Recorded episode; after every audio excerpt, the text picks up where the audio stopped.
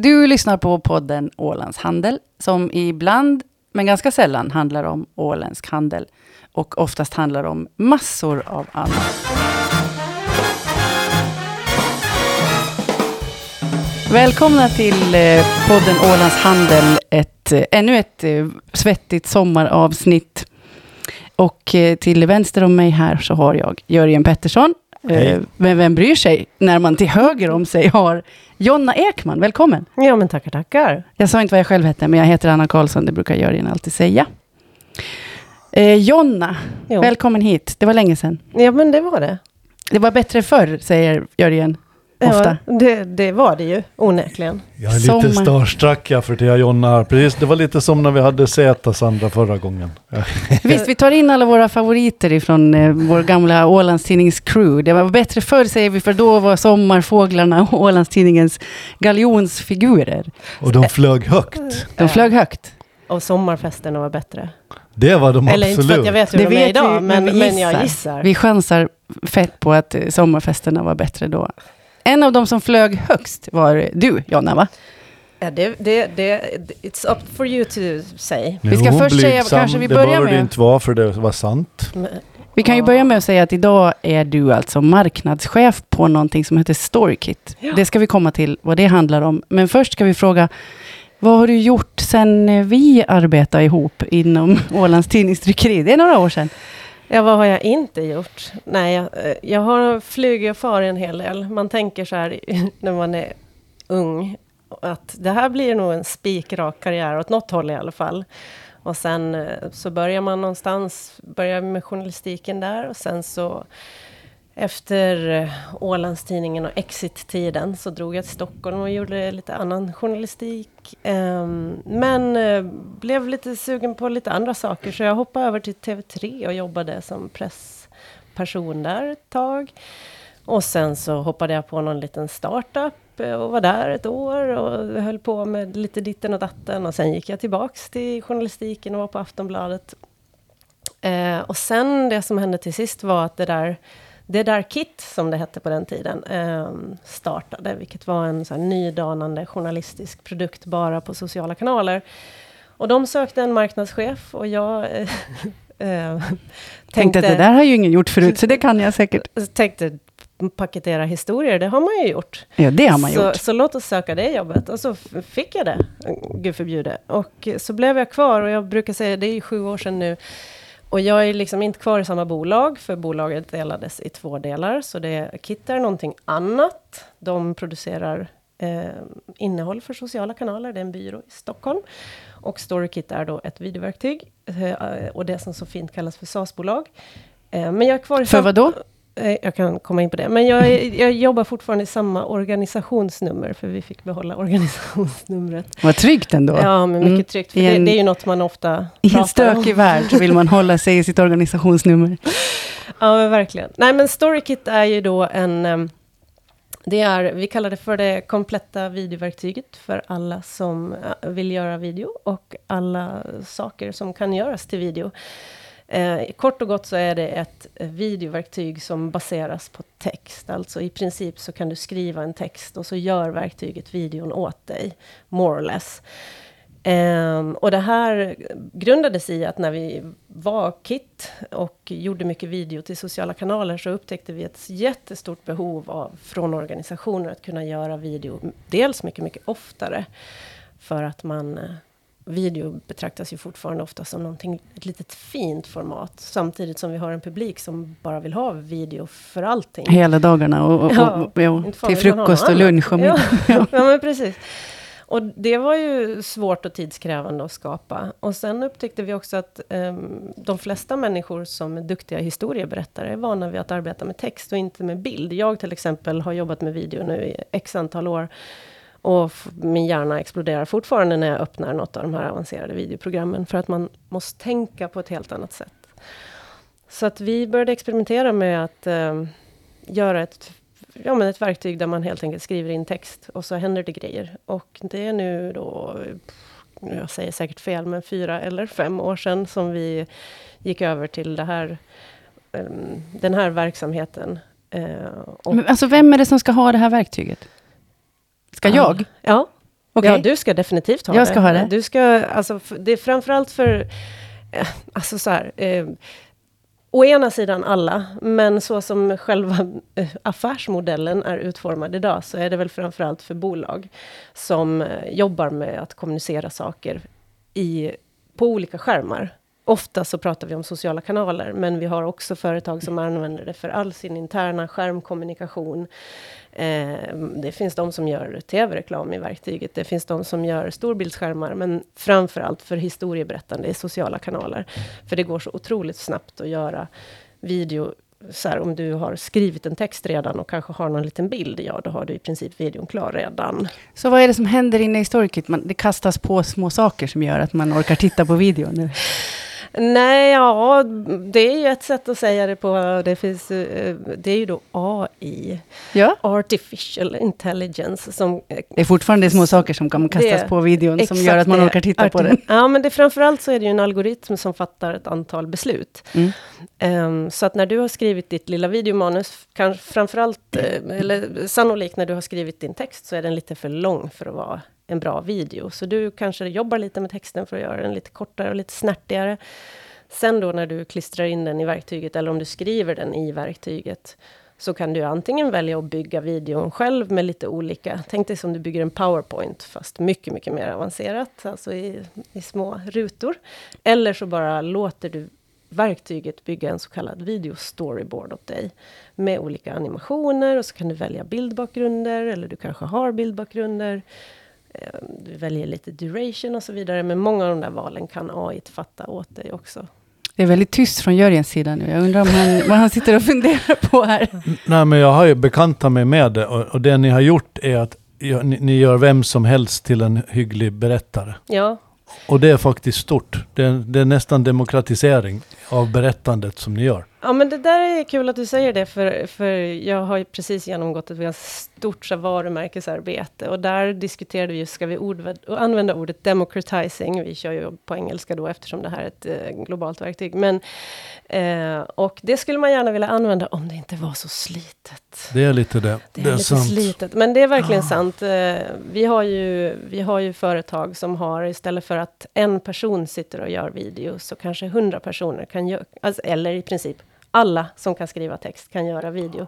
Och det snabbar ju på alla processer, det snabbar på eh, ja, men produktionsvolymer, det gör att fler historier berättas för alla olika synvinklar. Det finns en massa...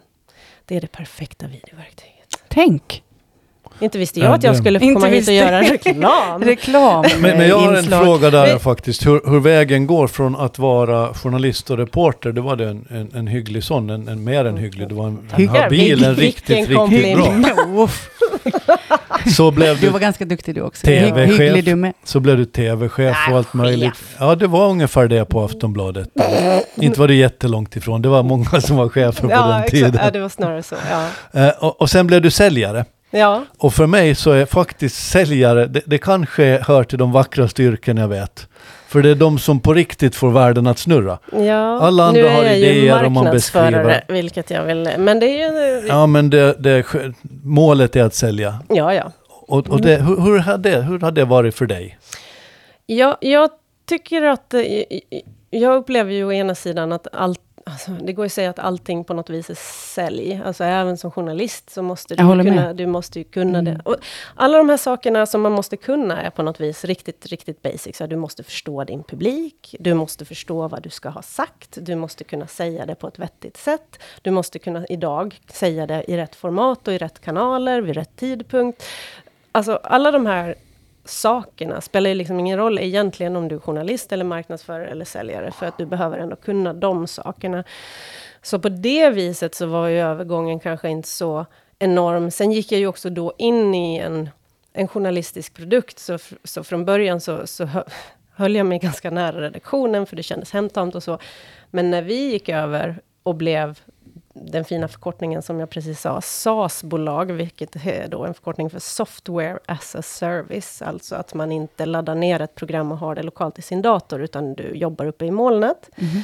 Mycket poppis uttryck. Ehm, Ungefär som demokratisering. Ja, fast inte lika slitet. Nej, Men, men eh, Ja, men när, när vi gick över till det, sen dess har jag ju fått addera jättemycket ren kunskap. Alltså, Mm, alltså, från början, jag var ju enda, nu har jag ett team men, men, ehm, som, som är fantastiskt. Men, men från början så var jag ensam marknadsförare. Då var jag tvungen att helt sonika sätta mig i Facebook och bara, jaha, hur lägger man eh, spons på de här grejerna då? Inte vet jag. Oj, här har vi ett program som heter HubSpot. Jaha, hur gör man det då? Alltså det var ju mycket sånt jag var tvungen att lära mig. Um, så, men jag, jag upplever att Eh, marknadsförare överlag, speciellt idag, har otroligt mycket att lära av journalistiken, just vad gäller liksom behovet av att förstå sin publik. Behov. Mycket av det här sägs bland marknadsförare idag, som om det, de precis har kommit på det.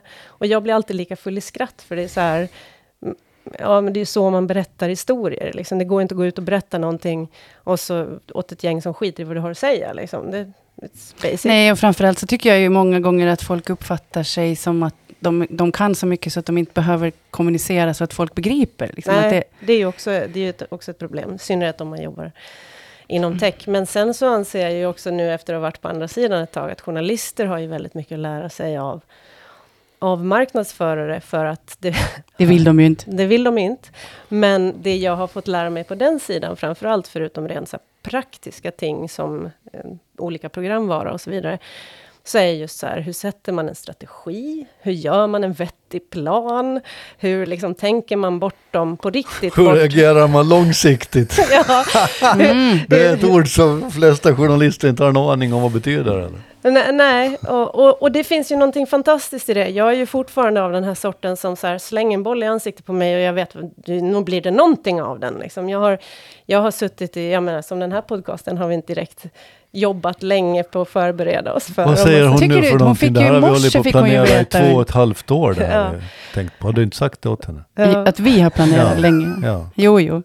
Men jag tänker på de här krokiga vägarna som du tar. Du säger att du tar emot en boll när den kastas i ansiktet på dig. Ja det är ju på något sätt så dagens person i den här eh, världen som du rör dig ska fungera, antar jag. Ja, Men fördel. hur blev du sån? Alltså är det arv eller miljö, eller har du det här i släkten på något vis? Um, jag tror att jag har mycket, alltså i och för sig, min pappa är ju marknadsförare eh, sen alltid. Så, så egentligen borde jag ha lärt mig mer av honom än, än så. Nej men, jag, jag vet faktiskt inte. Jag, jag tror att jag har alltid varit väldigt duktig på att fuska mig fram, att ta enkla vägar och liksom komma ganska långt på det. Eh, och springer man fort och får mycket gjort så hinner ingen upptäcka Precis, det. gå fort och le mycket så ser ingen hur full du är. ja, ja, men lite så. Och, och, och, och sen måste jag säga att en av de största fördelar som jag har haft genom mitt yrkesliv, det är ju eh, att jag har en viss makt över ordet. Alltså, kan du skriva, och det här är en uppmaning till vem som helst som lyssnar. Att så här, kan man bli en bättre skribent så kommer det att hjälpa på alla sätt. Alltså från att jag har skrivit helt värdelösa PM i statskunskapen på, eh, i Uppsala. Som läraren har så här, titta gärna på Jonas PM, för det var riktigt, riktigt bra. Och man vet att det enda det har är så här, bra språk, bra struktur, bra genomtänkt, liksom så, men själva innehållet är bara skit. eh, på riktigt, för att inte orkar jag, jag var ute och festade liksom. Um, till att idag så, så, så, det handlar så himla mycket om att kunna berätta en historia. Alltså även när jag ska jag så, pitcha inför min precis, chef. Jag har ju sett dig också stå på scener och hålla eh, föredrag med snygga powerpoints. Fast det är ju egentligen, jag menar det blir ju inte heller ett problem om man Nej. vet vad det är man vill ha sagt. Nej men precis. Mm. Så idag vet jag, alltså jag har ju kommit till en punkt där jag inte kan lura mig fram, fram längre på riktigt samma sätt. Så att jag, jag har bättre koll på läget eh, än någonsin kanske idag. Men. Går du fortfarande omkring och funderar på när någon ska avslöja dig? Alltid, men det kommer man alltid att göra. Så är det nog tror jag. Ja, men det tror jag har att göra med hur alltså. dagens arbeten ser ut. Att det ja. är så mycket jobb som egentligen är så här, uh, det finns ju inte. Ja. Alltså ingen av oss murar en spis eller eller bygger ett hus eller lägger ett tak. Eller gör så. Det är väldigt icke Vi gör fan något vettigt. Klipp det och skaffa ett jobb. Ja, men vi, har, vi har en... Eh, jobben är ju ganska luftiga. Ja, vi har på vårt företag, vi växer ju så sinnessjukt snabbt. Vi var 60 i julas, vi är 100 nu. Oj! Ja, det går så snabbt. Är ni 100 bara, anställda? Ja. ja, men det är verkligen så att man kommer in genom dörren och bara, ursäkta, vem är du? Bara, ja, jag jobbar här, vem är du? Wow. Jaha, oj. Eh, I'm eh, a boss. Oj, jag gör det? Nej, Ja, det, det var det jag anställde. Nej, men, eh, och ett av ledorden som vi har, som kan låta så himla konstigt, men jag tycker att det är så sant, som vår VD och grundare Peder Bonnier brukar säga, är att han vill att folk i, på Storykit ska känna sig, vad är det han säger, trygg men obekväm. Alltså man ska känna sig trygg i att man är på rätt plats, att man är i rätt roll och att man uppskattas för sin kompetens, att man på det viset som individ är trygg i företaget. Men man ska alltid känna att man har lite för stor kostym på sig, lite känna att så här, hur fan ska jag klara nästa, nästa halvår? Det här kommer ju aldrig gå. Men alltså det där, jag tycker att jag upplever det hela tiden också. Ja. Att jag måste hela tiden göra grejer som jag nästan inte klarar av. Ja, Alltså det, det där vet jag inte alls hur man gör. Riktigt Nej. så här Pippi Långstrump-grej. Är du där Jörgen? Jag är alltid där och jag tycker att det är en ynnest att få vara där. ja, Mm. Tänk att få göra det. Mm. Att få göra saker som man faktiskt inte riktigt behärskar. ja. Det, det är ju det bästa av tillvaron. det. Ja. Tänk vilken skräck vissa att alltid sitta och göra, ja såklart folk är ju olika.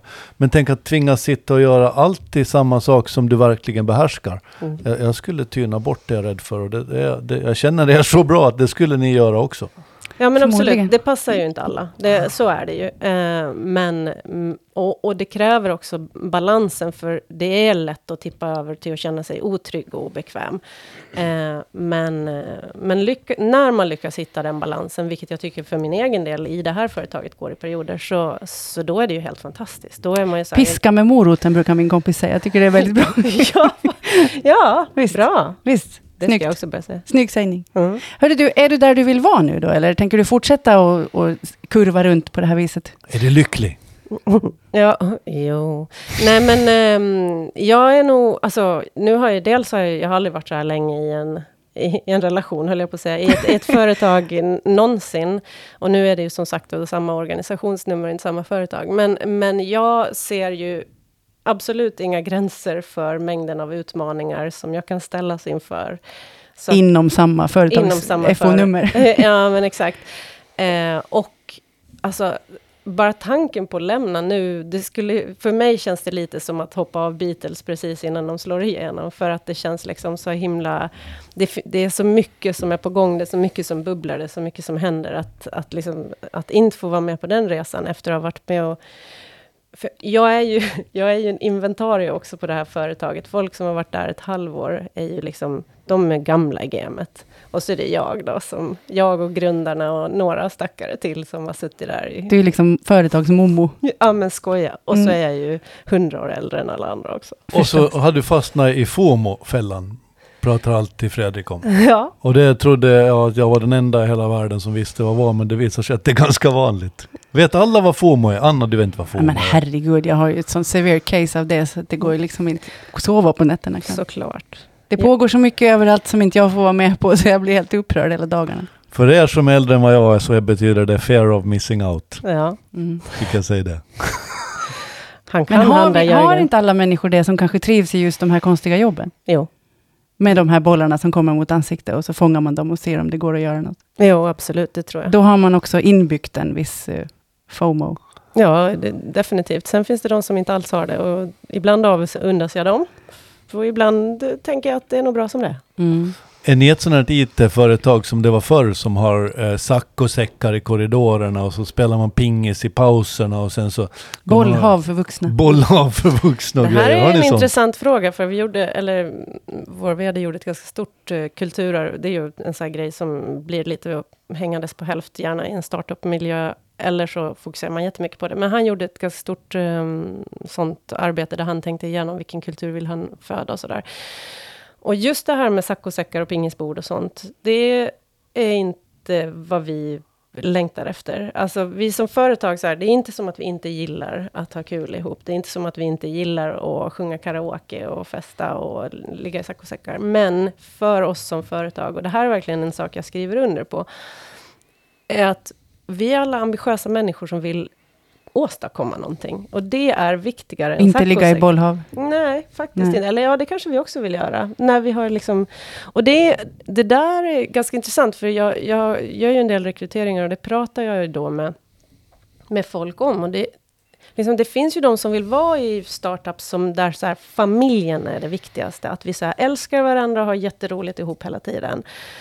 Medan vårt företag är, vilket man kan tycka är lite tråkigare, men för mig så passar det väldigt bra till exempel. Lite, ambi alltså, lite ambitiösare är fel ord, för de är också ambitiösa. Man behöver inte vara icke-ambitiös för att man har kul ihop. Men, men ledordet liksom är ju är för oss snarare att vi, liksom, vi har respekt för varandra, vi är ambitiösa, jag litar på att du gör ditt jobb och jag gör mitt jobb. Sen har vi roligt ihop. Liksom. Det lät förmodligen mycket tråkigare än det är, men, men eh, det är ganska häftigt. Det är må många som kommer in i företaget som, som påpekar det, att så här, shit vad folk liksom vill mycket och har ambitioner och idéer och sådär. Och det har man i saccosäckarna också. Det ena behöver inte vara sämre. Men inga saccosäckar. det? Men, men en fråga, när du gör dina rekryteringsintervjuer, Mm. vil, vilken fråga börjar du med? Vad, vad brukar du säga till folk? Ja, varför sökte du till oss? Kanske? Det är för tråkigt, du måste ha Ja. något roligare. Hej, vad heter Hur ställer du dig inför bollhav för vuxna? ja. Nej, alltså jag har nog ingen... Herregud, jag vad tror att jag? Jag tror att jag har någon manus. Du är en rekryteringsspecialist och nu, nu, nu kör Precis, vi. Jörgen söker jobb här. Det Men här, Ja. är en, det här är en halvvolley-podd kallar vi den för. Tjena, tjena säger jag och så, och så freebase efter det. Och så Okej. glömmer jag bort att anteckna och så sitter jag efteråt och bara helvete, borde anteckna. Men det betyder, det var egentligen dit jag ville komma. När Mhm. du gör urval eller när ni gör urvalet, eh, går ni då på magkänslan eller på, på förnuftet? Om ni måste välja. Och inte, Eh. inte med det här, ja det är en liten del av det ena, lite av det andra, utan ni måste, du måste välja. Ja, alltså, mm, det, det, mm, förlåt, men det beror på vilken roll också. Ja, okej. Ehm, för vi har ju jättemånga roller som vi anställer jättemånga av. Alltså säljare och, och så vidare. Och sen om jag rekryterar, liksom, jag ska rekrytera två i år. Ja, då, då är det ju... Då måste man ju ha lite både och. Eh, och kanske inte... Alltså, när det gäller rekrytering, jag är ju ganska ny i rekryteringssammanhang, så jag tycker det är otroligt spännande. Men liksom, jag har ju också lärt mig att här, det är klart att man till viss mån måste eh, gå på magkänsla, för att det här är ju en person man ska vara ganska mycket med. Man måste Om jag skulle känna så här, "F- jag gillar inte den här människan, då skulle det vara svårt. Men samtidigt så är det väl snarare när man känner så jag älskar den här människan, som man behöver ta det med en liten nypa salt och fråga någon annan, så här, är den här människan verkligen så fantastisk som jag Mm. tror? För att man kan bli lite blind också. Så, så. lagom mängd Men personkemi. däremot så, så rekryterar man ju hellre, det tycker jag verkligen i den här miljön som, som vi var inne på, eh, den här otroligt föränderliga miljön, att man hellre eh, rekryterar på potential i många roller, än, än på ren, liksom, Exakt. har du gjort exakt det här? Det är ganska sällan som man behöver ha gjort e- exakt det här.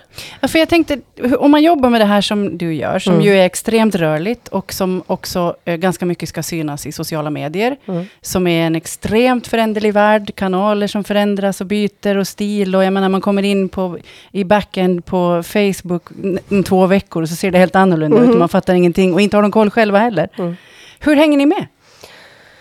Ehm, där finns det ju lite olika svar på den frågan. Hur man hänger med i hur Facebook utvecklas, det är bara att sitta still i båten och, och hoppas och att man inte trycker på fel knapp och inte Det de allra, allra, allra största misstag. Man har hört om folk på byrå som har råkat spendera så här en hel årsbudget på en dag i misstag för att de tryckte på fel knapp. Ja, Sånt just ska det. man försöka undvika. Daglig budget istället för livstidsbudget. Exakt. Men eh, eh, när det gäller liksom kommunikationen i sociala kanaler så hänger ju det tätt ihop med orsaken till att vi överhuvudtaget finns. Det finns bara ett sätt att göra det i sociala kanaler, och det är att göra det hela tiden. Mm. För att eh, kanalerna förändras, din publik förändras, ditt budskap förändras, vad de behöver höra förändras, vilket innebär att så här, jag blir helt trött på folk som som säger, ja men eh, vi publicerade ju en video förra månaden, den gick inte så bra. Man bara, men, alltså så skulle man aldrig tänka om ett textinlägg. Så här, men jag, nu, nu har jag gjort månadens textinlägg på Facebook här, nu är det klart. Nej. Utan så här, hela tiden kontinuerligt, vad du än gör, om det är text eller bild eller video eller alla tre eller 15 andra saker, så att göra det hela tiden och bara testa, testa, testa och inte vara så jäkla rädd för att ha fel. Jag tror att det är otroligt viktigt.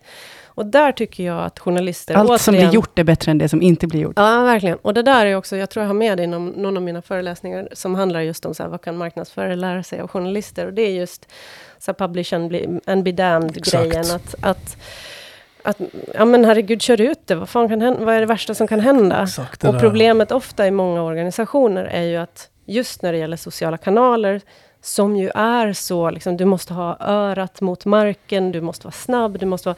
Men även för dem så gäller så här att ja, om jag ska publicera något så måste jag först prata med chefen och chefens chef och chefens chefs farmor och tre personer till. Precis, och, chefens chefs farmor tycker inte att sociala Nej, medier har någon, någon sälj... Nej, det finns, inget, finns ingenting att hämta där. Om man inte ska hitta något sticktips. Men mm. nej, gud vad fördomsfullt. Men i alla fall, um, uh, så att när det beslutet sen kommer tillbaks till personen som de facto jobbar i sociala... Ja, men, precis. Ja.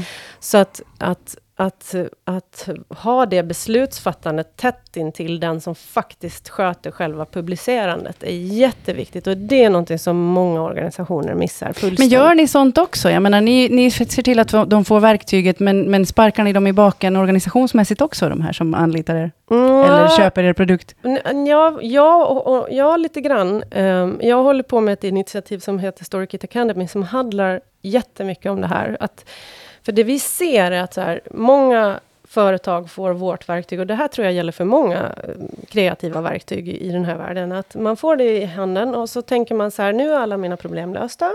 Och sen så gör man en video publicerar den och så bara, men det händer ingenting.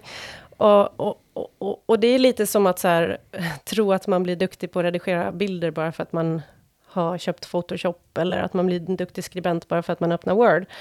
Alltså det finns ju så mycket annat man, man gärna ska känna till. Och att berätta historier i sociala kanaler är liksom en helt egen... Det är en helt egen, ett helt eget universum av saker. Eh, som går liksom både från så här, hur ser din organisation ut? Fattas rätt beslut hos rätt människor? Vilka verktyg och vilken kraft och vilken makt har de att göra, fatta beslut själva? Vad gör ni? Och så vidare. Till rena så här, hur mycket får ni ur er varje vecka? För ni behöver få ur er mycket. Um, um, så det håller vi på och försöker hjälpa både kunder men också andra. Bara liksom, jag håller jättemycket webinars och föreläsningar och sånt, bara för folk som överlag är intresserade av sociala kanaler mm. och video. 2015 så mm. gjorde du ett litet gästspel i styrelsen hos Nya Åland. Ja, just det. Redan där förutspådde du mer digitalt och mera rörliga bilder och det är framtiden. Och sen jag vet inte, vad säger du Jörgen? Har det hänt så himla mycket här? Nej, jag såg det där faktiskt när vi gjorde research på det, för det ägnade vi oss åt innan vårt lilla ja, träff. Ni har förberett Vi har förberett ja, oss och så vi har gjort fint. vår lilla research. Två och ett halvt år ungefär. Vi har mycket värre research småningom, lite längre fram i programmet, som blir mycket roligare uh -huh, tror jag. Uh -huh. Men i varje fall, så, eh, så var du en av de du var då möjligen tv-chef på Aftonbladet, eller ditåt. Och du var med för att ge en syn på hur man skulle... Det var jag och Jan Helin som exakt, fattade alla beslut tillsammans. Ja. Hur man skulle använda rörliga medier och så vidare. Och det mm. där resulterade så småningom i Nya Åland startade en tv-kanal och Ålandstidningen hade startat en tv-kanal och båda startade möjligen en tv-kanal. Idag är allt sånt borta. Mm. Och då undrar jag, vad är det som har hänt med den åländska tidningsmarknaden? Den var verkligen glödhet förut. Den brann av konkurrens alltså. Man försökte allt, allt, allt. Mm. Och nu har den stått stilla. Delar du den spaningen eller är det jag som börjar bli, bli gubbgnällig? Mm, oj, vilken svår fråga eftersom jag är inte är superengagerad i den. Men, men alltså, jag tror att det är många, inte bara de åländska medierna, utan alltså det var ju, man pratar ju jättemycket om så här, the pivot to video som skedde när Facebook eh, lanserade sina videolösningar i, i, i flödet. Eh, och det var jättemånga redaktioner världen över, ska vi säga, inte bara på Åland, som verkligen så startade enorma liksom, tv-satsningar eh, som inte funkar, utan mycket av det gick i graven och det var tidningar som gick i kull för att de satsade på det här och det här skäller man på Facebook för. Jag skulle säga eh, utifrån mitt lilla perspektiv att att man gjorde fel, för att det vi vill ha i sociala kanaler är inte video, alltså film. Vi vill inte ha, alltså, vi behöver inte de stora påkostade, för det, var, det man försökte göra var ju TV-TV. Det behövs inte ett intro, det behövs CNN, inte. Nej, Nej. man försökte göra TV-TV för sociala kanaler. Ja. Alltså Expressen hade ju samarbeten med CNN och sådär. Och i vissa lägen så är det jättebra. Det är liksom livesändningar från specifika nyhetshändelser och sådär. Men vi jobbade ju på KIT då jättemycket med en annan typ av video, med mycket snabbare historieberättande, mycket textbaserat historieberättande, liksom mycket sammanfattningar, mycket så här, diskuterande material och sådär. Och det gick ju skitbra.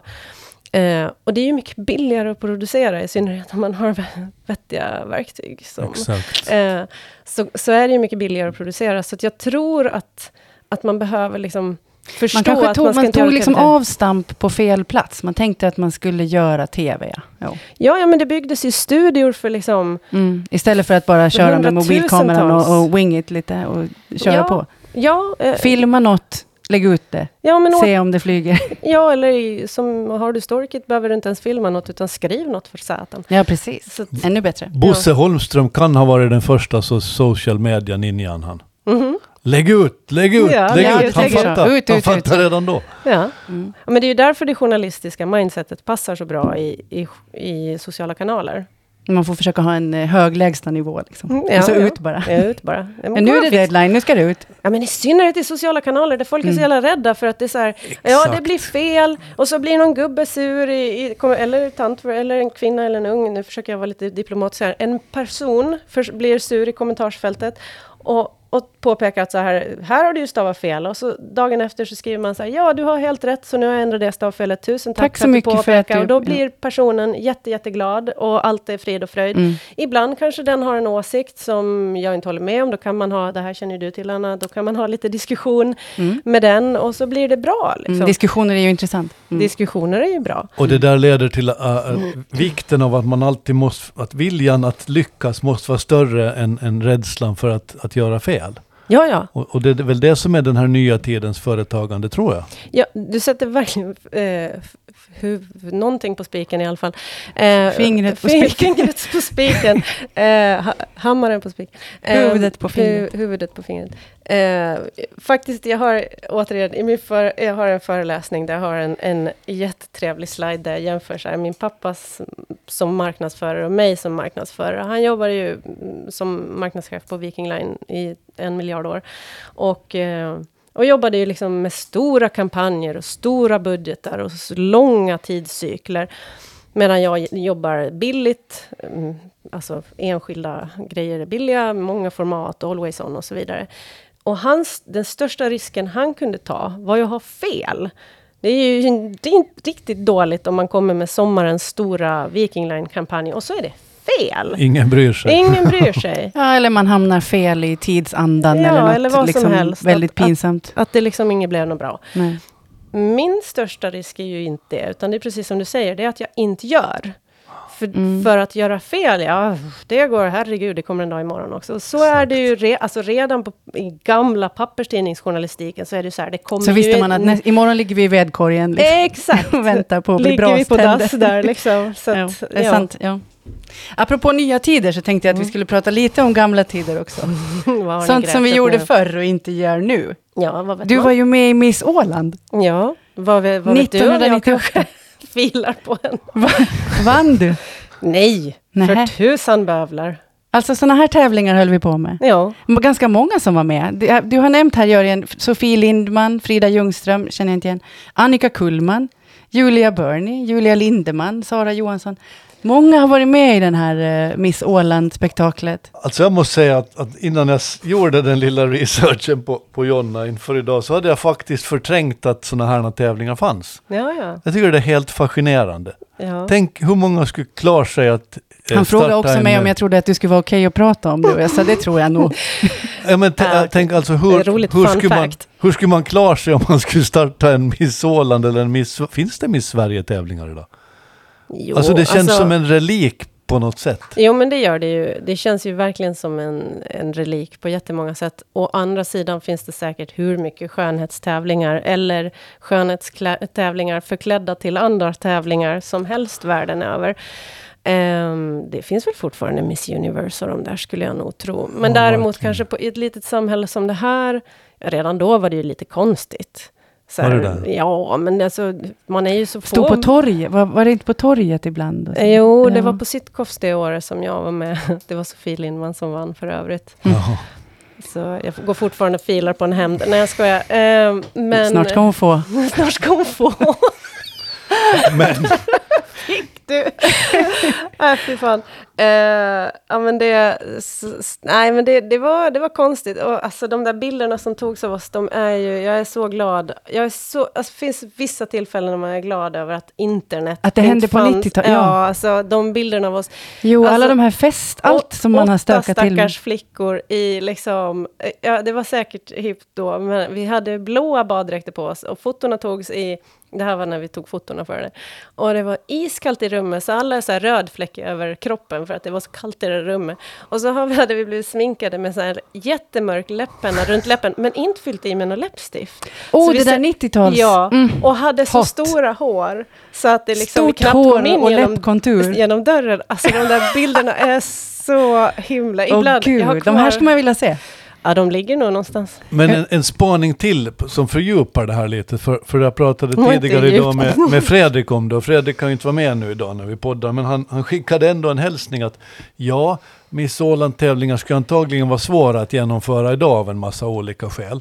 Men utåtriktandet, det är ju värre idag än vad det var tidigare. Idag har Där alla en egen liten skönhetstävling. Self-nudis och vad man skickar för någonting. Och Mm. Allt, eller väldigt mycket styrs av olika ideal som är helt skruvade egentligen. Man jämför sig med kändisar och man jämför sig med andras lycka och man producerar glansbilder på nätet. Man gör allt för se mig, se mig. Mm.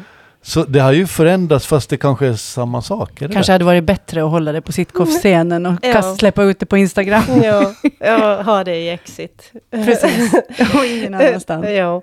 Eh, Inga bilder på alltså internet. Först måste jag säga att du precis, tror jag, hittade på ordet self-nudis, eh, vilket jag tyckte var roligt. det kan vara Fredriks, det är möjligt. Men jag kan har- ha du snott det hört av den? honom. Nej, men det är ganska bra. bra. Self-nudis. Ja. In- Vi, mycket vi kan ta med oss ifrån det här tillfället och använda i resten av livet. Men å andra sidan, ja absolut, alltså det här influencersamhället och sådär, det, det finns ju mycket att säga om det. Samtidigt som jag väl ändå är i grund och botten mm, benägen att tro att alla dessa drivkrafter och så vidare har funnits alltid och, Ja. och de tar sig bara andra uttryck idag.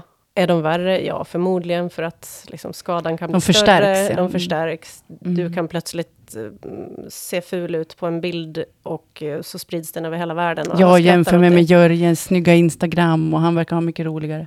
Jag har Ja, ingen Instagram. verkligen. Jo, jag har ett, men jag använder det aldrig. Jag har svårt att förstå Instagram. Jag tycker det är för ytligt och plastigt och intetsägande. Man kan också använda det till nytta, Okej. Jo, absolut. tycker jag. Okej. Ja, men alltså, Jag som har börjat sticka till exempel. Ja. Hittar allt där. Mm. Om Ja, man har ju- en eh, Apple-klocka på armen eller en sån här Pace-klocka som Jonna har och stickar så räknar det steg har jag lärt mig. Oh. Så då kan man sitta där och så, nej vad fan, dra 18 000 steg idag. Det- är lugnt. Jag har aldrig, min klocka har aldrig trott att jag tränat så mycket som en gång när jag åkte skoter. För varje gång Vatten. skon- så ratten skakade. Jag bara, "Åh, 35 jävlar." miljoner steg idag. Okej, spännande. Jag tänkte vi skulle försöka lämna Jonna, även om det är otroligt intressant att prata om det du håller på Ja, med. ja, ja. Jag tänkte kasta mig till, eh, till, till, till eh, lite oro, desinformation och sånt som Mm. har att göra med sociala medier också. Mer än hälften av alla som har tillfrågats i Internetstiftelsen har gjort en rapport inför valet i Sverige. Eh, och eh, mer än hälften känner oro för att desinformation ska användas för att påverka valutgången. Ska vi eh, censurera propaganda, desinformation och så här? Eller borde vi lita lite mer på att folks egna eh, huvuden ska skärpas till lite och hamna mer på skaft? Alltså, ja, det som oroar mig mest där är ju... Eh, jag såg någon undersökning från USA nu som var så, förtroendet för media bland republikaner var ju liksom nere på någon sorts all time low. Och det är ju på riktigt oroande. Sen hela den här diskussionen om hur mycket man ska kontrollera sociala kanaler och sånt, den är svår. Och den är mycket svårare än, än vad folk så här, till förstone verkar tycka. Det är så här, men det är klart att ni ska censurera, det är klart att ni ska bla bla. Ta bort, ta bort. Ja, ja, men mm. verkligen. Och, och, och då kommer man ju direkt återigen till de här grundläggande yttrandefrihetsfrågorna. Att så här, vem ska bestämma vad som inte får vara där? Ja, framförallt så kan ju den som då blir raderad, kan ju också gå omkring med sitt martyrhuvud på, på skaft och bara tycka väldigt synd om sig själv och få ännu mer medhåll av de som redan var med, så att säga, på, Ja på men, tåget. folk, ja, men också så här, folk gnäller på så här, Mark Zuckerberg borde ta större ansvar. Är det han som ska bestämma? Eller är det Alltså, du vi- som borde vill- förstå lite Vill bättre? vi verkligen att Mark Zuckerberg har någon typ Mm. av så här globalt mandat för vad som får sägas på Facebook eller inte? Det blir så otroligt svårt. Och, och, och jag säger inte att så här, därför så ska allting alltid släppas fritt. Alltså det finns ju saker som sprids i sociala kanaler som på, uppenbarligen inte borde göra det och de borde vara snabbare på att ta ner det och de har varit dåliga på, Mm. på rena liksom, så här, trollfabriker och propagandabitar och, och det finns liksom ja, men våld och massa skräp och skit som jo uppenbarligen borde tas bort. Eh, jag brukar då tänka på de här stackarna som måste sitta och se det här och jobba med att ta bort det, för de människorna mår nog inte så himla bra heller. Ehm, så det är svårt, för att vi människor är ju, ena, vi är ju djur, va? Eh, och vi, vi gör en massa konstiga saker, vi säger en massa konstiga saker. Så någonstans i grund och botten så borde det ju handla om utbildning, om att förstå, om att Men lära är det så att sig. internet och sociala medier är liksom i tonåren nu? Vi har ingen kontroll, det är så här kaos. Alltså de är väl ännu yngre i någon typ av perspektiv. Trots liksom. ålder, Ja. ja, eller snarare är det ju så här. Jag vet att eh, Fredrik Strömberg, som också var med och grundade vårt bolag, han, han brukar prata om att sociala medier är ju som att man öppnade Pandoras ask för, för liksom gemene man att få en röst som kan nå över hela världen. Och den kommer aldrig att stängas, för att liksom, varför skulle vi människor vilja det? Nej. nej, nej. Eh, och då handlar det ju mycket mer om, om liksom mycket mer grundläggande frågor, som borde vi kanske ha lite källkritik i utbildningsväsendet? Borde vi ha, borde, ja, ni förstår, att, att så här, hur ska vi utbilda folk så att de faktiskt förstår att, och så vidare. Mhm. Hur Ja. ska vi se till att samhället inte är så polariserat? Jag har lite svårt att ta sådana rapporter på allvar. Eftersom de har ställt frågan till någon. Är som- du orolig? är du orolig eller vad känner Ja, du inför ja. valet eller vad det nu är för någonting? Ja, det är klart. Och jag kan nästan garantera att ingen av de tillfrågade tycker för egen del att de är oroliga för hur det här kommer att gå.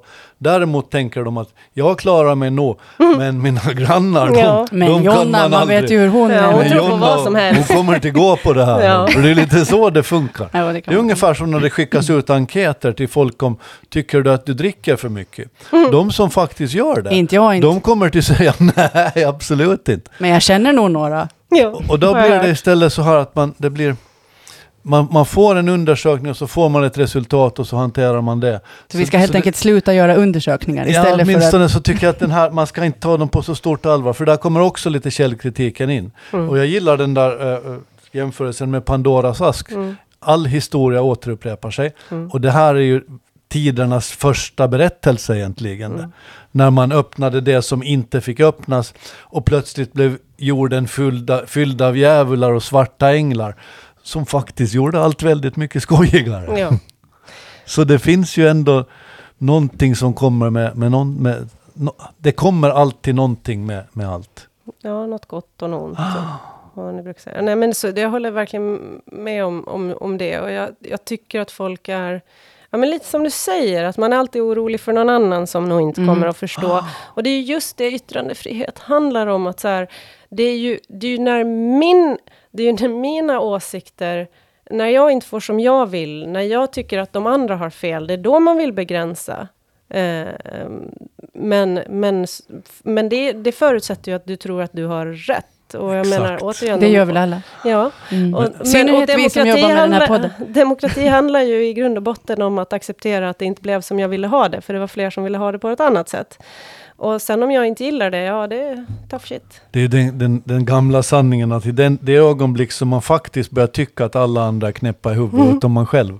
Så Precis. borde man ju tänka efter att Vad är, precis, vad är det de andra har kan gemensamt? detta stämma? De är inte, de är inte jag. Ja, det är intressant. Hörrni, du verkar ju jobba på, Jonna, på ett väldigt modernt företag tycker jag. Mm, Med, ja. verkar ha en skön personalpolitik och så vidare. I Storbritannien lanserar man nu världens största försök med en arbetsvecka på fyra dagar. Mm. Över 3300 personer på 70 arbetsplatser ska få jobba lite mindre, men med samma lön. Och det här ska testas i sex månader.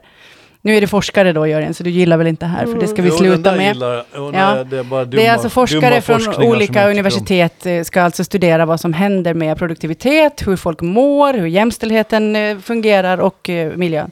Men ni är ju mycket smartare än de här forskarna, tänker jag, från Cambridge och Oxford och det. Mm. Så vad säger ni om fyra dagars arbetsvecka? Ja, det vore skönt.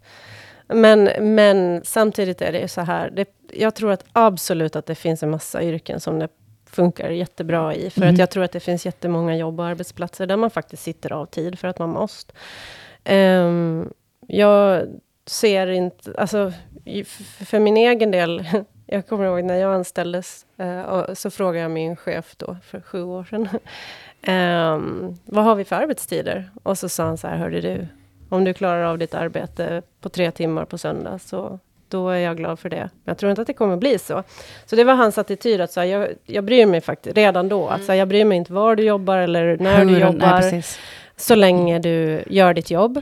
Och det är ju också återigen en balans, för det är ju jättebra. att- Och så, så där har jag nog alltid jobbat. Men där har jag jobbar nu så, så har vi alltså en fast arbetstid mellan 10 och 14. Mm. Då behöver alla kunna Ja. få tag på varandra. Ja. Vilket ju i sig också är ganska vettigt. För jag kan ju inte sitta på nätterna och hålla på och mejla till alla i organisationen och bara hallå, hallå, Nej. svara, svara, svara. Nej. Så att 10 till 14 så är liksom en fast tid när vi behöver vara tillgängliga under arbetsdagarna. Mm. Och sen i övrigt så kan man göra när man kan och vill. Se på historien, vi hade sju dagars vecka till börjas med. Ja. 24-7 egentligen när man letade sten och, och flyttade på stenar och letade mat. Sen gick man till sex dagars vecka och fick söndag ledigt. Sen gick man till fem dagars vecka och fick pension och man fick lagstadgad semester. Allt så statistiken säger bättre att vi borde hela bli tiden. fyra nu då snart. Ja, Det är det enda logiska. Ja, no, jag har också Allt, tänkt på det här. människan måste brukar, alltid försöka göra det lite bättre för brukar sig. jämföra med, just när vi alla tre har ju jobbat som journalister, att en journalist för sig kanske 30-40 år sedan, som skulle skriva om, jag vet inte, jag, ta liksom en gitarr. Mm. Ja, då fick man ta med sig sitt anteckningsblock och så fick man gå och sätta sig på biblioteket och så satt man där och så bläddrade man i olika böcker om gitarrer och så antecknade man det här och så gick man tillbaka. Alltså det här gör vi nu på, vadå?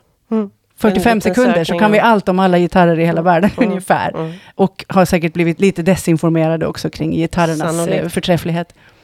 Så visst är vi ju mer effektiva. Kanske vi skulle förtjäna lite mer ledigt. Ja, men det är ju, jag tror att det är det enda rimliga. Människans uppgift måste ändå vara att bli lycklig och jag tror att människan blir lyckligare om de tar vara på sina relationer och sitt liv än om man gör ett jobb. Ja, och det här blev ju, jag menar, det är ju mycket som bevisades och motbevisades under pandemin. Bara det faktum att så här, nej, vi kanske inte behöver ses och sitta på ett kontor hela dagarna. Det var ju många företag som överrumplades över att det faktiskt gick och att folk kanske till och med i viss mån blev mer produktiva när de fick göra lite som de ville. Där har väl Mr Musk, som är en favorit i den här podden, han har gjort helt tvärtom nu. Han har satt, satt ner foten, banne mig. Nu ska de vara på jobb igen, annars Mm. kan de gå. Ja, Mm. det låter ju lite omodernt. Verkligen, han som ska vara så fräsig och, och. Ja, framförallt i USA där, eh, där det ju verkar finnas en enorm... Liksom, men det kan jag förstå, det är så ett stort land där folk har ägnat timmar, massor med timmar åt att pendla till arbetsplatser. Man har varit tvungen att flytta från släkt och vänner för att få ett jobb och så vidare. Att nu kunna Mm. liksom bo lite bättre eller lite billigare och närmare. Så här, det, jag förstår att det gör stor skillnad. För min personliga del så upptäckte jag att hemmajobb, det är inte min grej. Eh, det Inte har min heller. det jag har- tycker inte heller om det. Nej. nej, Det har nej. ju hjälpt med logistiken nog i 19, så vi konstaterar, jag och min man, att så här, eh, utan att förminska det lidande denna pandemi har orsakat människor över hela världen, så tajmingen för oss var bra. Vi, liksom, vi har barn som inte var så små att det var problematiskt, utan de är ju då nu, de var ju då fem och vad fan är de nu? Jag kommer inte ihåg. Fem och nio var de då. Ehm, Fortfarande barn i alla fall. de är fortfarande barn. Eh, de, eftersom Sverige höll skolorna öppna hela tiden, så ju, de gick ju i skolan, de märkte knappt det. det är så, och, och vi, jag menar hur mycket gick vi på bio och satt på restauranger och, och gnugga oss mot andra människor ändå, just den perioden i livet. Så vi kunde fortfarande så här, träffa våra vänner lite mer ute. Det var ju kanske inte alltid till en nackdel. Eh, barnen kunde fortsätta med i princip allt de ändå gjorde. Den största skillnaden för mig var att jag inte fick gå till jobbet i perioder och att jag var tvungen att sitta i bilen utanför Eriksdalsbadet när min eh, dotter var på simträning. Eh, men det gick Ändå förändringar man kan hantera. Ja, fick börja promenera. Sen gick jag en crawlkurs för att kunna börja simma. När jag var det var också en positiv Praktiskt. effekt. Jag tänkte vi skulle hoppa tillbaka till dig, Jonna. Till mig? Ja, Yes! det är ju svett, svettigaste sommar här i talande stund. Vad, Ja. vad är Åland för dig? Oj, jag skrev en... Är du svensk eller finne nu för tiden? Vad, vad kallar Alltså du dig? jag kallar mig nog inte för något egentligen. Ehm, jag menar jag är född- Binär brukar man säga Ja. om man inte är B- lite... Binär medborgare. Ja, Mm. eh, nordisk medborgare. Nej, jag inte kallar jag mig så mycket. Det beror lite på situation. Ibland är man ruggigt finsk, ibland är man ruggigt svensk, ibland är man ruggigt Just du kan sätta benen lite där du vill du, på Ja, vilken sida av gränsen som... Opportunist sa man förr i världen. Så är det. Och så Man- är det med min dialekt också. Mina Man kan dra det till sin spets och fråga vem du hejar på i hockey. Ja, ja, Finland förstås. Okej, bra. Jag tror inte man får Hon är finne. Ja. Ja, alltid heja på Sverige. ja, det har jag Ja, gjort. okej. Nu blev han cancellad. Nu stänger vi av. eh, men också med dialekten, mina kompisar här på Åland brukar säga att så här, det finns ingen som pratar så jäkla mycket rikssvenska som du, som sen bara bam slår över till så en jäkla grov åländska när du kommer hem. Eh, men sån har jag alltid varit. Eh, men vad betyder Åland för mig? Ja, men jag skrev en krönika någon gång i slutet av min så här, eh, Ålandstidning slash exit-karriär som handlade om att jag, det jag tycker så, var så häftigt med Åland var att när jag bodde här som tonåring så var jag så här, det är statiskt och det är liksom, det är alltid samma, och man är sen fast i samma roll och man är så här. Men med tiden så har jag upptäckt hur, hur föränderligt det är också. Så här, man kan hitta nya vänner, man kan hitta nya bekantskaper. Så här, det beror lite på hur mycket man är på plats. Nu är det inte så mycket sånt. Men, men också hitta nya värden hela tiden. Och ju äldre man blir, desto mer är man så här... Åland, nu är det fint ändå. Och nu är det härligt. Där är det ju vackert, brukar de säga, när man, när man berättar att man är från Åland. Ja, och nu Mm. exotiskt är ordet som folk brukar använda för Åland, som inte kommer från Åland. Vilket Är så här, Exotiskt, det är jag inte- vet inte Det är inte jag... det första ord man skulle välja. Nej, det första ordet jag har valt är ju alltid egensinnig, som vi alla vet vid det här laget. Ja, Mm. Men du, vad missar du inte på sommar-Åland? Vad vad gör du alltid? Ja, men det finns en hel del saker som man ju förstås gör och som barnen förväntar sig att man gör. Nej, men eh, jag har på riktigt, efter att ha varit där så många år, eh, förälskat mig i att vara på Rödhamn. Eh, en vända eller två. Eh, förra sommaren hade vi egen båt ett Äta tag. lax. Eh, och bulle. Ja, och bada bastu och, Ja. och bara vara. Härligt. Ja, men det, är, det är fint. men Saknar det du, saknar du Dinobacken? Kommer du ihåg Dinobacken? Dinoparken. Eh, nej, men jag kommer ihåg den. Du kommer ihåg den? Jo, Men du, nu kommer du sakna den. Anna Ja, jobbar där. Att jag kommer att sakna Gjorde jag? Det gjorde jag inte alls. Vem var det som jobbade där? Det var nog eh, Fredrik i så fall, om det var någon i det här gänget. Någon hade jobbat Jag där. har vunnit Inte jag. en tävling som bästa clown där en gång. Har du Så, det? Ja. Så du har mer än Miss Åland i bagaget? Alltså så många saker i bagaget. jag vann en så här jättestor, typ två meter eh, Rosa Pantern-figur. Oj, undrar var den finns idag? Jag, jag, jag tror jag slängde den på sopan efter några år. Mm. Efter att den hade misshandlats. Alltså, Spännande det när man gräver bort det. Man skrapar lite på ytan så finns det alla möjliga saker där under. Så är det för alla människor.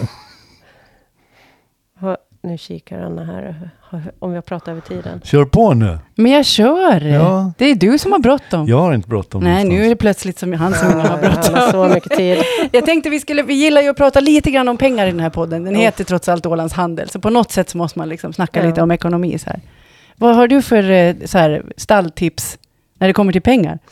Bästa pengagrejen? Ehm, ehm, nej, men en sak som jag har lärt mig genom tiden är ju att faktiskt eh, vara i en relation med en person som har lite samma inställning till pengar. För jag var, innan jag träffade Anders, som jag är gift med idag, så hade jag vid tillfälle relation med, med det här låter ju jättetråkigt, men, men vi hade verkligen helt olika syn på pengar. Det blev ganska... Vi nämner inga namn helt enkelt. Nej, det var ingen ålänning.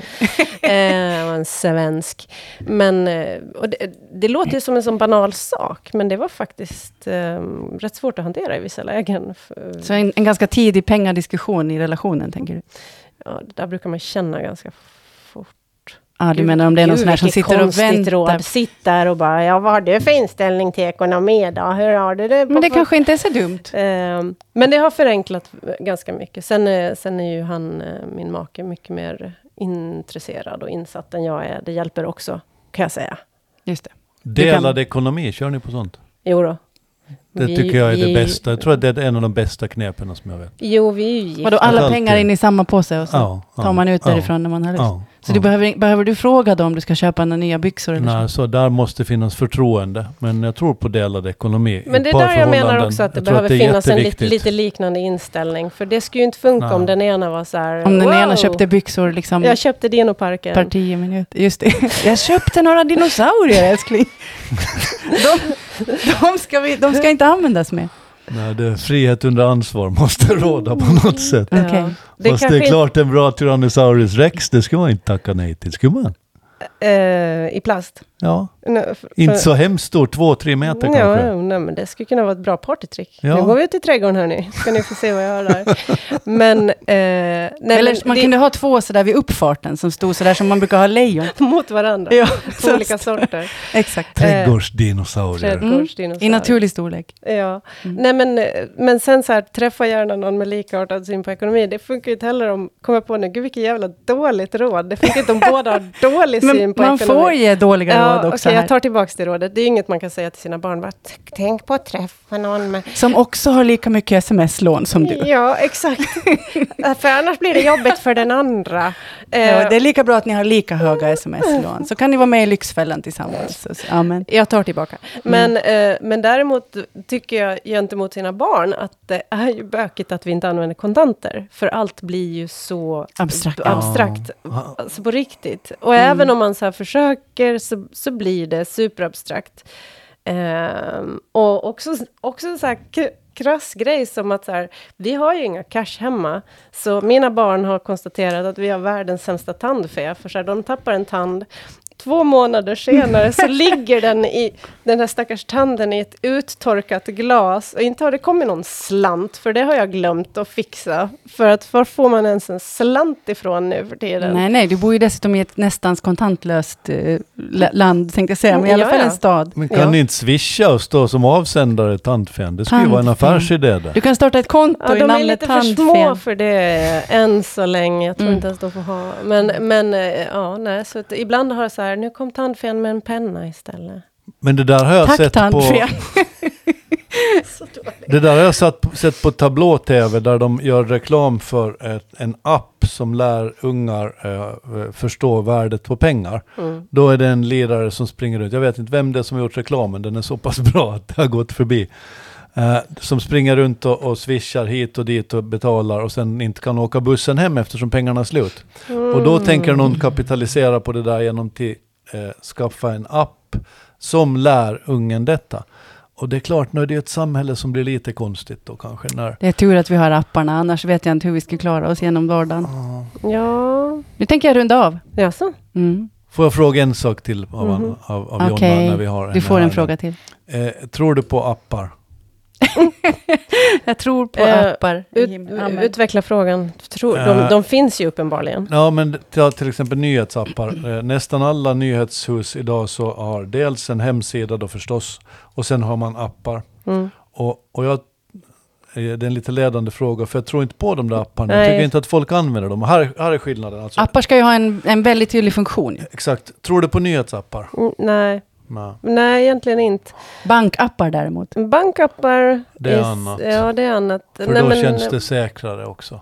Ja, alltså, men precis som du säger Anna, då måste de ha någon typ av specifik funktion som jag upplever att inget, rikt, inget tidningshus riktigt har knäckt. Nej. För precis som de försökte göra sociala medier, tv som tv-tv, så försöker man göra pappers eller digital tidning som app. Och det funkar inte, för det är ett annat väsen. Ja. Du konsumerar det på ett annat sätt, du går in i det på ett annat sätt och så vidare. Jag går inte in i några nyhetsappar. Nu vet jag ju att jag kanske är lite udda på det sättet, men, men jag gör inte det. Eh, vi valde ganska tidigt för vår produkt att inte, att inte ha en app. Det kanske kommer med tiden, men, men eh, delvis också för att appar kräver så enormt mycket utvecklingstid. Exakt. Och då tänker jag att till exempel ett, ett åländskt mediehus har inte alltid i världen att sitta och utveckla appfunktionalitet. Och då blir ju liksom fokus på någonting annat, för att jag tror fortfarande, nu har vi inte pratat om lokal tidningsjournalistik, vilket vi skulle kunna göra ett helt avsnitt också, för där har jag jättemycket tankar. Men för att jag tror att lokal tidningsjournalistik är så jävla viktigt, och man har en sån stor fördel, för man är så nära sin publik. Helt Men. Mm. men, eh, men eh, det som framförallt är uppenbart, tycker jag, för lokaltidningarna är ju att de behöver fokusera på sin journalistik. För vad är det som gör dem unika? Inte är det någon häftig appfunktionalitet? Nej, men jag tänker också, vi kan återkomma till där vi börjar lite grann med säljarna. Mhm. Att det kommer en säljare och säger, ni ska ju ha en app. Mm, Och så tänker man, ah, ja, det borde vi ju ha. men då skulle alla gå in i appen. Då, skulle, då hade vi löst alla problem. Nu skaffar vi en app.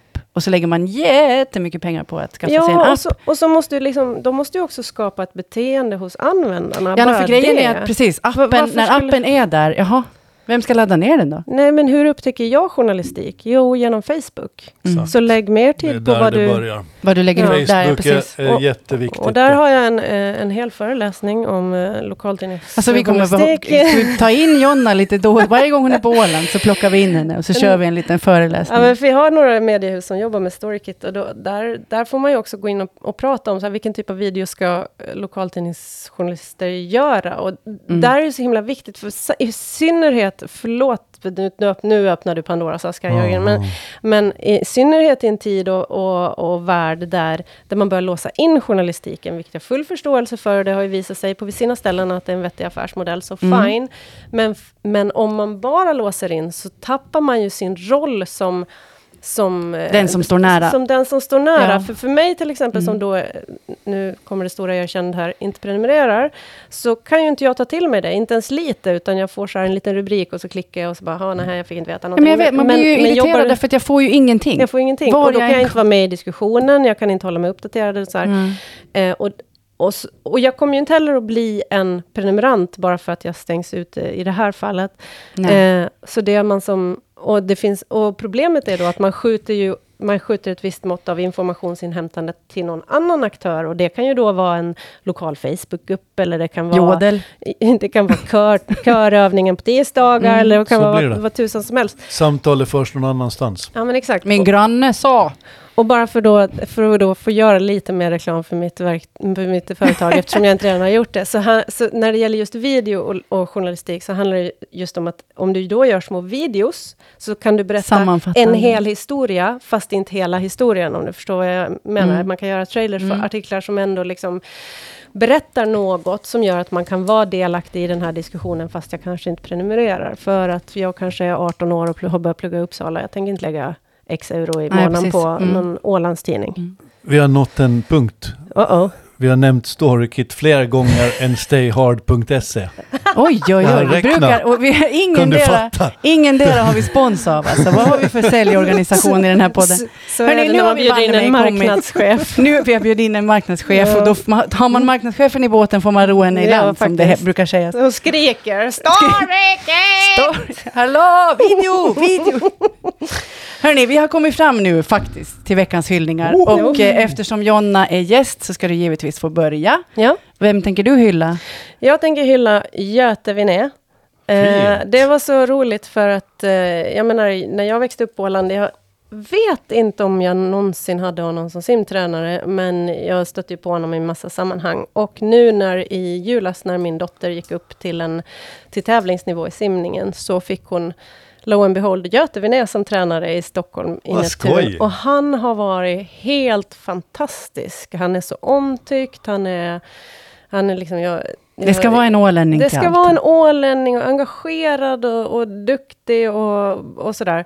Nu dock så slutar han i hennes klubb och går till en annan, men det smällar man får ta. Vi är glada att vi fick ha Göte ett halvår i alla fall, så det är min Man ska hyllning. Nu ska andra få ha Göte. haft. Ja, Man ska vara glad för det man har fått Det var av en Göte. bra hyllning Väldigt bra Sträck hyllning. på dig Göte. ja verkligen. Jag tänker fortsätta. Kör på. Jag tänkte, apropå det här med att, att skapa sammanfattande nyheter och fakta, så Mm. vill jag hylla, det är väl egentligen, är det tre Instagramkonton tror jag, som heter Vad vi vet, Mhm. som jag uppskattar väldigt mycket. Och här kanske jag gör bort mig lite, för att en hel del av sånt som jag sk- skrapar in ihop till mina manus i den här podden, så plockar jag därifrån. Det är underbart. Det finns vad, vad vi vet hälsa, vad vi vet generellt och vad vi vet politik. Så jag tror att det finns en till som jag har glömt. Men det är alltså Instagramkonton där de sammanfattar och sen så kan man också gå in och läsa mycket mer om saken på deras hemsida. Man kan prenumerera, men man känner sig verkligen mycket mer välkommen. Här får du fakta, ändå ganska långt och välgrundat. Men jag blir liksom nästan tvärtom så blir jag sugen på att stödja dem. Mm, det är bra. Snarare än att Ja, jag känner så så är här, nu vill de tvinga in mig i en prenumeration. Mm. Jag gillar vad vi vet. Kolla det på Instagram och sen så behöver ni aldrig undra var manusidéerna jag har kommer ifrån längre. Steel with pride and precision sa vi när jag jobbade på TV3. Ja. Det brukar jag hålla i. Jag creddar dem i alla fall på det här viset. Det där var modernt. När jag researchade för den här podden så då, då googlade jag helt enkelt Jonna Ekman skandal, Jonna Ekman sånt ni inte visste, Jonna Ekman konstiga, konstiga vetenskaper. Oh. Det finns en yogainstruktör som heter Jonna Ekman. Alltså det var hennes alla skandaler han Ja, fick ja. upp med. Och var därför var det ett mycket bättre manus från början. Bara, Vem ska du hylla Jörgen? Jag tänker hylla en som jag brukar hylla med jämna mellanrum. Eh, Robert Helenius, proffsboxaren. Mm. Jag tycker han är, är cool på alla sätt och vis. Eh, nu så är han inte bara en boxare som det sägs, man vet ju aldrig i den där branschen för den är, den är lite den är lite, Dimhöljd. Ja det kanske man kan säga, den dimhöljda eh, boxarnas eh, eh, berg. Den, man vet inte exakt vad som händer innan det har hänt, Nej. om man så uttrycker det. Men det, det pratas om att han ska göra en stor match i höst. Och han är alltså en elitidrottsman som är nog några våningar alla andra elitidrottsmän på Åland. Mm. Faktiskt i det som han håller på med. Han och hans tränare Johan Lindström, det, det är ett par som jag tycker att är väldigt speciella och väldigt, eh, de är framgångsrika på sitt sätt och de lyfter Åland på alla möjliga platser runt om i världen. Tänk Madison Square Garden Mm. Ålands flagga, det är helt fantastiskt. Men mest av allt var det för att han har byggt ett, hopptorn i Lumparland. Jag Ja. tycker ju om Det har hopptorn. jag redan hunnit höra talas om. Mm. Det är inte säker på att han har byggt den själv, men det heter Robert Helenius Tower och det inspirerade till hyllningen. Ja, men det förstår jag. Tack för Hopp, ordet. fler hopptorn behövs på Ja. sommaren, helt klart. Jo, ja. Jag blev ledsen när jag var på Kumlinge här i midsommar och konstaterade att där är hopptornet nu borta. Så nu behöver vi hitta någon elitidrottare från Kumlinge som kan bygga upp Ja. ett nytt. Mm. Man måste ha. Alltså, Känner vi några sådana? En kommun utan hopptorn, det, det är ju frågan om, man kan, om det är en kommun. Nej, det är lite som med skolan och butiken. Mm, när de försvinner så då, då dör det. ja. Hörni, vägs ände. Tack Nej. för idag! Jo, Jonna har så mycket mer hon skulle vilja säga. Det här var jätteroligt. Det var jätteroligt, men du kommer tillbaka helt enkelt Ja, tycker det jag. gör jag. Varje gång du är på Åland hör du av dig och så skrapar vi Så upp hittar vi lite plats annat. åt dig här. Ja, Kan vi det inte var- spåra henne? Finns inte någon sån här WhatsApp så man kan se var hon är någonstans? När hon närmar sig Ja. Åland så Ja. plockar vi in henne. Det. Mm, det är fint. Ja. Du får väldigt gärna komma tillbaka. Ja, Tack Sen- för att du var här Jonna. Så brukar vi avsluta med att säga tack och förlåt. Tack och förlåt Tack och förlåt. Nu har du lyssnat så här långt, så nu kan du ge oss en liten stund till tycker vi. Du kan gå in på Spotify och prenumerera på podden Ålands Handel. Eller på Podcaster, där kan du göra samma sak. Där kan du också ge oss betyg och skriva recensioner, det tycker vi om. Och sen kan du förstås gå in och titta på vår hemsida ålandshandel.ax. Och så hörs vi nästa vecka.